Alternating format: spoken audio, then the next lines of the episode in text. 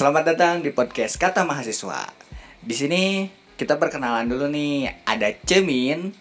Halo. Nah, ada juga saya sendiri, Kang Min. Gitu.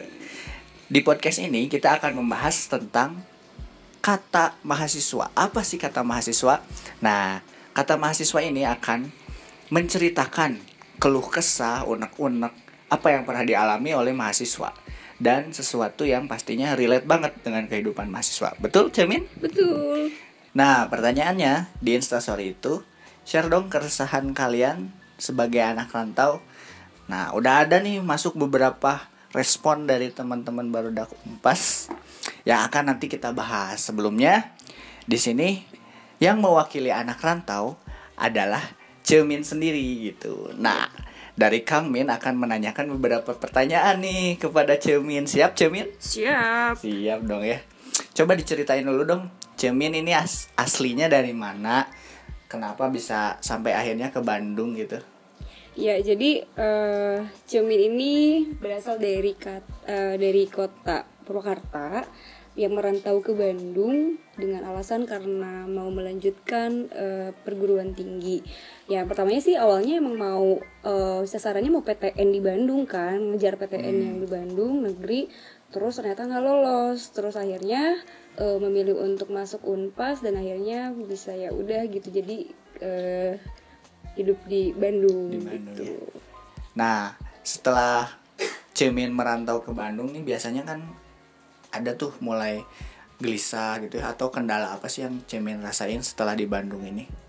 Yang pastinya sih karena uh, kalau kendala itu pertama adaptasi ya. Adaptasi, Pas adaptasi ya. di dari Purwakarta ke sini terus Contohnya dari seperti apa tuh? Ya dari kulturnya, Kultur. terus bahasa juga bahasa gitu. ya biasanya Uh, ya di sana kan mungkin di Purwakarta tuh lebih kayak banyak orang-orang uh, yang uh, lebih ngobrolnya kasar terus ketika misalkan ke Bandung itu lebih kasar uh, lagi lebih kasar lagi ternyata bahasa Sunda lebih kasar ya. karena sebenarnya emang uh, uh, apa ya jadi emang dari Purwakarta juga bahasanya emang sun, udah, udah Sunda sih ya. sebenarnya terus jadi nggak terlalu sulit lah ya, ya kalau untuk dari betul, bahasa ya. adaptasi, ya. ya terus uh, setelah bahasa itu uh, adaptasi dengan orang-orangnya ternyata orang-orang Bandung itu uh, ramah ya ya istilahnya kayak someah gitu ya Terus uh, yang pasti sih cuaca ya cuaca. Cuaca ya paling enak ya. Iya betul. Purwakarta kan panas ya. Iya betul. Kalau di Bandung uh, udaranya adem iya, gitu ya, sejuk ya, betul. enak buat eh ya, iya. gitu ya. nah, hmm. terus apa lagi nih? Apa nih yang kendalanya gitu dari Purwakarta merantau ke Bandung gini? Nah, yang dirasain itu sih pastinya kayak apa ya terus dari cuaca itu kan karena dari Purwakarta itu panas terus kedingin gitu. Ada pernah sempat uh, beberapa kali pernah ngerasain karena alergi dingin karena maksudnya mungkin badan nggak uh, siap menghadapi dari panas ke dingin bukan jadi alergi ngerasa, mantan ya? Enggak. Oh, enggak ya. Nah terus ya itu jadi pernah alergi juga gitu. Terus ya itu karena perpindahan dari cuaca itu cuaca yang asalnya panas panas kedingin, kedingin. terus uh, apa ya kayak kultur juga maksudnya kayak kita menghadapi orang-orang itu kan beda ketika misalkan di Purwakarta itu ketemu orang-orang itu lebih kayak jutek lah maksudnya lebih nggak kurang ramah gitu ketika misalkan ke Bandung oh ternyata ada perbedaan orang-orang Bandung itu lebih ramah gitu hmm. daripada kalem gitu hmm, terus itu sih karena harus kendalanya tuh ya harus menyiapkan uh, mental tentang kekhawatiran pribadi gitu. Wah di tanah rantau pasti ada tuh misalkan di pikiran kita kalau ketika nanti udah menjadi anak rantau itu uh, apa ya jadi ketika sakit gimana siapa yang merawat ada karena kekhawatiran kan, gitu ya? Betul ada kekhawatiran gitu. Karena kan kita benar-benar kayak ya sendirian gitu sendirian. kan jomblo gitu ya sendirian ya. Udah jomblo sendirian. Wah itu lagi ya. Nah terus gimana nih? Tadi dari kendala-kendala tadi yang Cimin udah sebutin gimana cara Cimin beradaptasi di kota ini nih? Nah posisinya kan karena uh, uh, cermin itu sebagai pendatang ya karena hmm.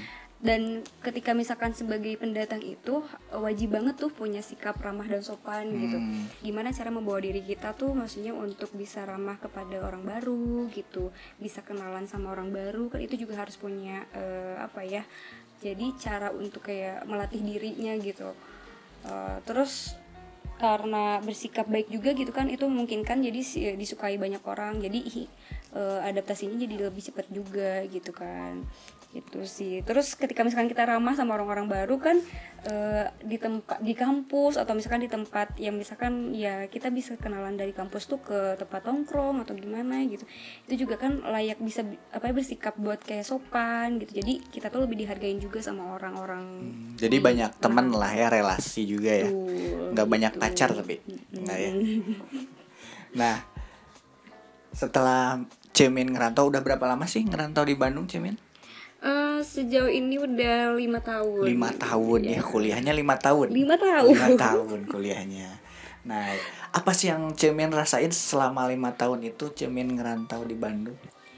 Eh, yang pasti yang pertama dirasain itu eh, yang awalnya emang suasana baru gitu ketika Suasananya Iya, ya. suasananya tuh kayak wah eh, gila gitu eh, hidup di eh, apa ya di kota baru lah misalkan kota yang yang maksudnya Bandung gitu. Kota yang baru menurut eh, Cemin gitu. Terus eh, ketika yang dirasain itu pas emang lagi nggak enak itu ketika pas lagi sakit Lagi sakit Betul. ya jomblo, nggak ada yang sakit gitu kan nggak ada yang ngurus gitu ya. betul nggak ada yang rawat gitu ada yang rawat. terus yang itu sih kayak ngerasa ke mana-mana sendiri terus kayak misalkan harus Iya. nyiapin apa-apa sendiri ketika misalkan yang pas sakit aja gitu gak ada ngerawat harus benar-benar nyiapin oh apa nih harus beli sesuatu dulu misalkan kayak beli makanan vitamin gitu biar Sebelum pulang ke kosan betul gitu. betul betul jadi kayak eh, biar nyiapin Prepare diri dulu gitu ya. ya betul gitu Tapi Cemin sendiri ada saudara atau siapa gitu di Bandung? punya saudara tapi itu jauh juga sih lumayan kan gitu jadi Hmm. emang nggak deket juga jadi ya berusaha buat kayak nggak bergantung sama orang lain lah Jadi gitu tetap Jadi- harus mandiri gitu ya. betul gitu melatih buat saya apa-apa sendiri gitu loh gitu Kita juga tadi sempat ini ya nanya di Instastory ya, ada beberapa respon dari teman-teman Barudak Unpas juga. Tadi sempat kita tanyain gimana sih keluh kesahnya di tanah rantau gitu. Yang pertama apa Cemin? Silahkan dibaca. Ya yang pertama ada eh, bingung kalau mau ke mana-mana nggak tahu jalan katanya Oh gitu ya. Cemin juga sempat merasakan itu bingung Iya, mau ke mana-mana tuh. pernah ngerasain Tapi karena- kan ada Google Maps Cemin. Iya sih. Jadi tapi kan kita nggak tahu nih patokan-patokannya gitu kayak misalkan eh, oh mau dari misalkan pas turun travel nih pas datang ke Bandung misalkan. Ketika itu Cemin tahun berapa sih ke Bandung? Udah ada ojek online belum sih? 2013 belum ada. Belum ada ojek Iya, online ya. Jadi dulu masih angkot. masih naik angkot ya Iya. ke mana-mana tuh. Terus ya paling damri kan Damri ya. gitu. Makanya agak bingung karena nggak tahu tujuan angkot itu ke mana mungkin ya. Iya. Hmm. Terus eh kalau sekarang kan enak sih ya sebenarnya udah ada ojek online. Ojek gitu. online Jadi ya, ya. tinggal kita Tinggal misalkan direct. posisinya di mana, terus Tujuannya nanti- ke mana? mm, udah tinggal gitu, duduk, destinasi. cantik, main HP, Iya, sampai deh gitu. ya. Uy. Enak banget ya ada ojek online. Terus yang kedua mungkin dari Barudak Unpas ini ada yang respon tiketnya mahal min Hmm. buat pulang. Jadi kalau udah di Bandung pas lebaran nih, wah tiket mulai mahal nih. Jadi mau pulang gimana? Mau nggak pulang, masa lebaran nggak pulang kan gitu. Iya, betul. Tapi tiket mahal nih. Iya. Apakah Cemin merasakan seperti Barudak Unpas? Karena kalau dari Bandung ke Purwakarta kan harus pakai tiket mahal ya.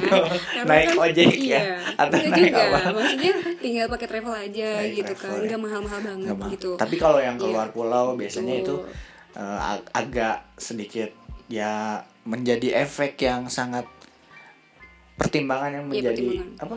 Eh, Lumayan merogoh kocek Iya, juga gitu, ya. Jadi harus siap-siap buat kayak misalkan oh eh, masih lagi murah nih, lagi murah, lagi harus, Hmm. Harus buru-buru beli gitu. ya, mm. sering-sering ngecek Sering-sering ya. ngecek gitu. untuk harga tiket. Mm, betul. Belum lagi sekarang bagasi dihilangin ya Iya, harus beli aduh. bagasi lagi. Nah, Kasian banget tuh yang seberang. kira-kira tipsnya apa nih, Sewin? Eh, kalau dari Ciuminux sih ya mungkin harus lebih eh menggocok apa sih kayak nyiapin uang gitu ya karena nabung maksudnya buat kayak Nabung ya, eh, siap-siap dari nih. jauh-jauh hari gitu ya. Iya, gitu jadi kan harus tahu diri bahwa oh nanti takutnya nih kita eh, apa sih naik atau misalkan Melonjak. ya eh, jadi kita harus benar-benar nabung apalagi kalau misalkan ya emang si harga tiketnya eh, Udah berjuta-juta gitu ya. iya gitu ya ah itu udah effort banget sih buat kayak ngumpulin uangnya gitu Hmm. kan Oke. ya gitu sih Respon yang selanjutnya adalah uang habis di tengah bulan nih. Nah, Oh. jangankan orang rantau, orang Bandung aja sering habis uangnya gitu ya tengah bulan ya iya di tengah bulan terus mau minta malu kalau nggak minta sengsara nantinya nah ini kira-kira gimana nih tanggapan Cemin sebagai anak rantau gitu Iya bener sih nggak pernah ngerasain juga gitu ya gimana cara ngelola uang gitu dari zaman yang dulu biasanya kalau kalau di rumah itu bias e, bisa minta ketika misalkan habis gitu bisa minta langsung kan gitu Iya. ya nggak mikirin buat kayak ke depannya kalaupun gimana uang habis gitu. bisa makan di rumah lah ya ibaratnya ya gitu. Tapi kan ketika misalkan oh udah jadi anak rantau harus tahu diri gitu, Hmm. Eh, harus benar-benar bisa pak bisa hemat gitu. Oh eh, uang segini lagi bisa hidup untuk bisa seminggu kemudian itu gimana caranya gitu. Kita harus benar-benar hemat kan. Berarti eh, buat makan nggak jangan terlalu eh, royal berarti Hmm. gitu. makannya warteg tiap hari gitu Warteg tiap hari. Kalau nggak Indomie gitu ya. Indomie betul. Nah, terus ada lagi nih respon dari barudak unpas yang lain. Kangen masakan mama, cina katanya teh. Biasanya Cemin suka kangen masakan mama juga gak sih? Iya, karena kan ke- pas eh, karena tiap masakan tangan tiap tangan itu beda-beda kan. Kita ke eh, ke Bandung gitu terus jadi anak rantau makan warteg, makan misalkan eh, fast food dan sebagainya gitu. Itu kadang kan bosen ya gitu. Terus kadang ada perasaan yang emang bener aduh kangen kangen menu misalkan ada menu favorit kita di rumah gitu dan itu tuh yang bikin jadi homesick gitu bener-bener kayak anjir biasanya di dimasak eh, dimasakin ini masakin itu gitu enak tinggal makan gitu kan itu sih sebenarnya Apa sih menu makanan kesukaan Cemin yang disuruh suka dimasakin mama itu? oh eh, menu mm, ini sih eh Xiaomi tuh lebih kayak suka tahu pencok gak sih Pencok. Tahu nggak? Enggak, enggak, Pencok. enggak, Ih, enggak itu tahu. Apa sih pencok itu coba itu tuh kayak- dideskripsikan. Eh, itu tuh jadi kayak bahan masakannya tuh eh, ini apa kacang panjang gitu Kacang panjang, Nah, lalu terus dipakein bumbu-bumbu kayak bawang merah, bawang putih gitu itu terus pakai cabai juga. Terus itu tuh diulek gitu, terus satuin nanti dimakannya sama nasi panas. Panas. Beuh, enak banget terus misalkan pakai pakai ikan asin peda. Beuh, udahlah itu udah the best banget. Jadi kayak bumbunya ya pencok tuh ya Iya, sebenarnya. Oke. Coba kita lihat lagi apa respon dari Barudak Unpas. Nah, ini tanggung jawabnya besar, harus pintar jaga diri dan tahu diri. Nah, Cemin bisa nggak jaga diri nih? Nah itu sih Ya mau nggak mau sih karena harus jaga diri Ya kalau misalkan emang kita ketika pen- pendatang nih Masuk ke kota baru Maksudnya kota ya tanah rantau gitu Terus kita membawa diri gitu Kayak kalau nggak bukan kita yang ngejaga diri kita sendiri Ya siapa lagi gitu kan Nah, coba kita lihat lagi. Ada juga yang dia bilang selalu kangen rumah katanya Cemin. Apakah Cemin selalu kangen rumah atau kangen mantan? Kenapa ya ini Kang Min itu selalu mengait-ngaitkan dengan mantan gitu Ya barangkali aja mantannya denger. Hmm, Ya siap Ah siap Siap. Iya, bener sih. Ya pasti ada sih rasa kangen itu. Apalagi ketika misalkan awal-awal banget tuh kayak ngerasa, aduh kangen. Baru berapa hari juga gitu misalkan tidur di Bandung gitu. Baru berapa hari gitu ngerantau. Udah kayak, aduh pengen pulang, pengen pulang. Belum betah karena Homesick belum gitu ya. mm, belum ngerasain betah. Tapi kalau misalkan udah lama-lama betah gitu, tapi ya pasti aja ada aja sih rasa kangen itu. Apa gitu. sih yang bikin kangen rumah itu? Ya suasana rumah terus misalkan kayak apa kalau misalkan dateng ditawarin mau makan apa gitu. Terus disiapin makannya terus diingetin sholat diingetin yang lain enak gitu. Tapi kalau misalkan ketika di kosan sendirian nggak ada yang ingetin gitu. Jadi ya itu sih yang bikin kangen gitu. Pembiasaan pas di rumahnya aja gitu suasana rumah gitu. Ya. gitu. Selanjutnya kita akan ngasih tips nih buat barudak Unpas supaya kerantaunya tuh lebih struggle, lebih fun, lebih asik, nggak cepet kangen rumah itu gimana sih tips dan triknya Cemin kira-kira? Jadi eh, ada beberapa yang pengen Cemin share juga sih untuk tips jadi anak rantau gitu. Yang pertama itu kan eh, ya merantau kan bukan perkara yang mudah gitu. Betul. Terus kita harus punya alasan yang kuat gitu sebelum meninggalkan kampung halaman gitu. Alasan kita yang kuat itu kayak Cemin gitu ke Bandung untuk melanjutkan sekolah gitu. Alasannya ya karena eh, harus bisa apa ya mempertanggungjawabkan apa ya eh, keputusan itu gitu terus ketika oke jadi anak rantau harus eh, ambil resiko bahwa siap untuk menjadi uh, orang yang mandiri, gitu Mandiri, ya, betul. itu yang pertama. Yang kedua sebelum memutuskan pergi persiap uh, pergi tuh siap persiapannya tuh harus ada gitu. Kayak persiapannya uh, soal tempat tujuan terus kayak hitung biaya hidup gitu. Biaya hidup di tanah rantau itu kan kita harus uh, harus diperhitungkan juga gitu. Kayak misalnya pengeluaran makan sehari-hari terus misalkan ya terlebih kan ngekos gitu. Ngekos misalkan sebulan berapa gitu kita harus ada perhitungan ke sana gitu.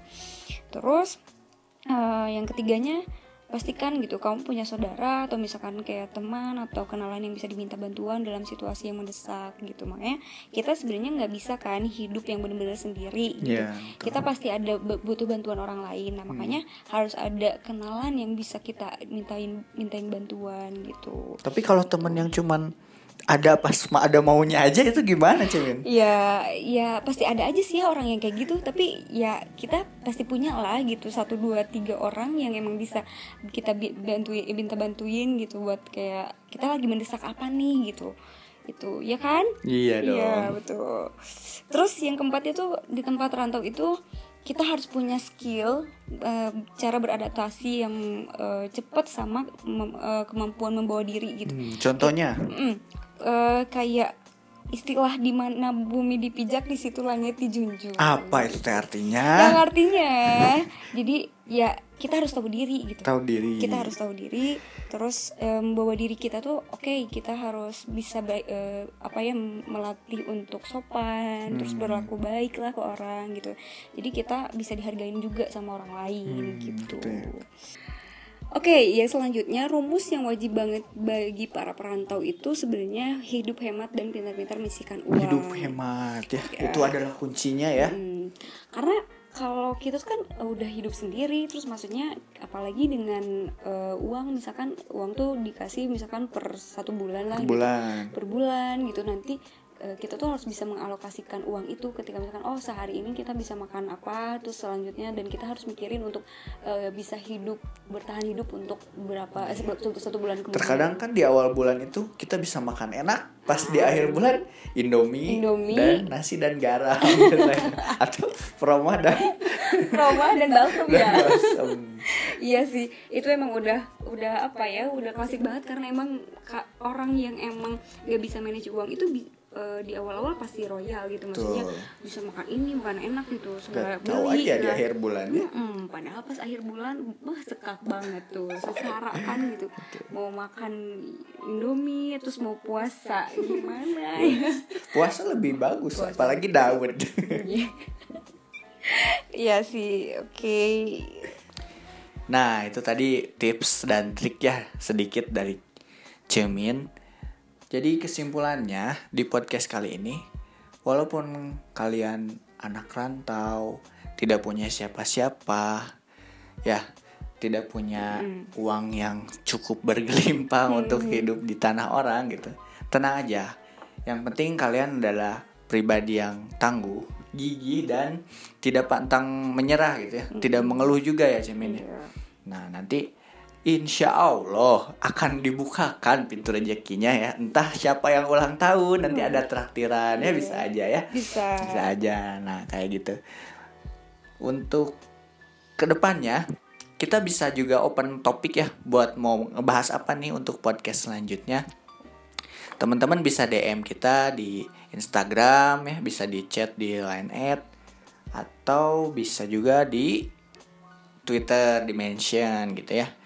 Semua platform kita username-nya sama at infounpas. Barangkali baru unpas belum follow, segera di follow. Segitu dulu paling podcast pertama kita ya. Ke depannya mudah-mudahan ada episode-episode selanjutnya. Semoga bisa menemani barudak unpas yang lagi kesepian, yang lagi galau, yang lagi semangatnya turun, butuh temen gitu ya. Dengerin kita bisa have fun lagi gitu ya. Semoga. Sampai jumpa di episode selanjutnya di podcast Kata Mahasiswa.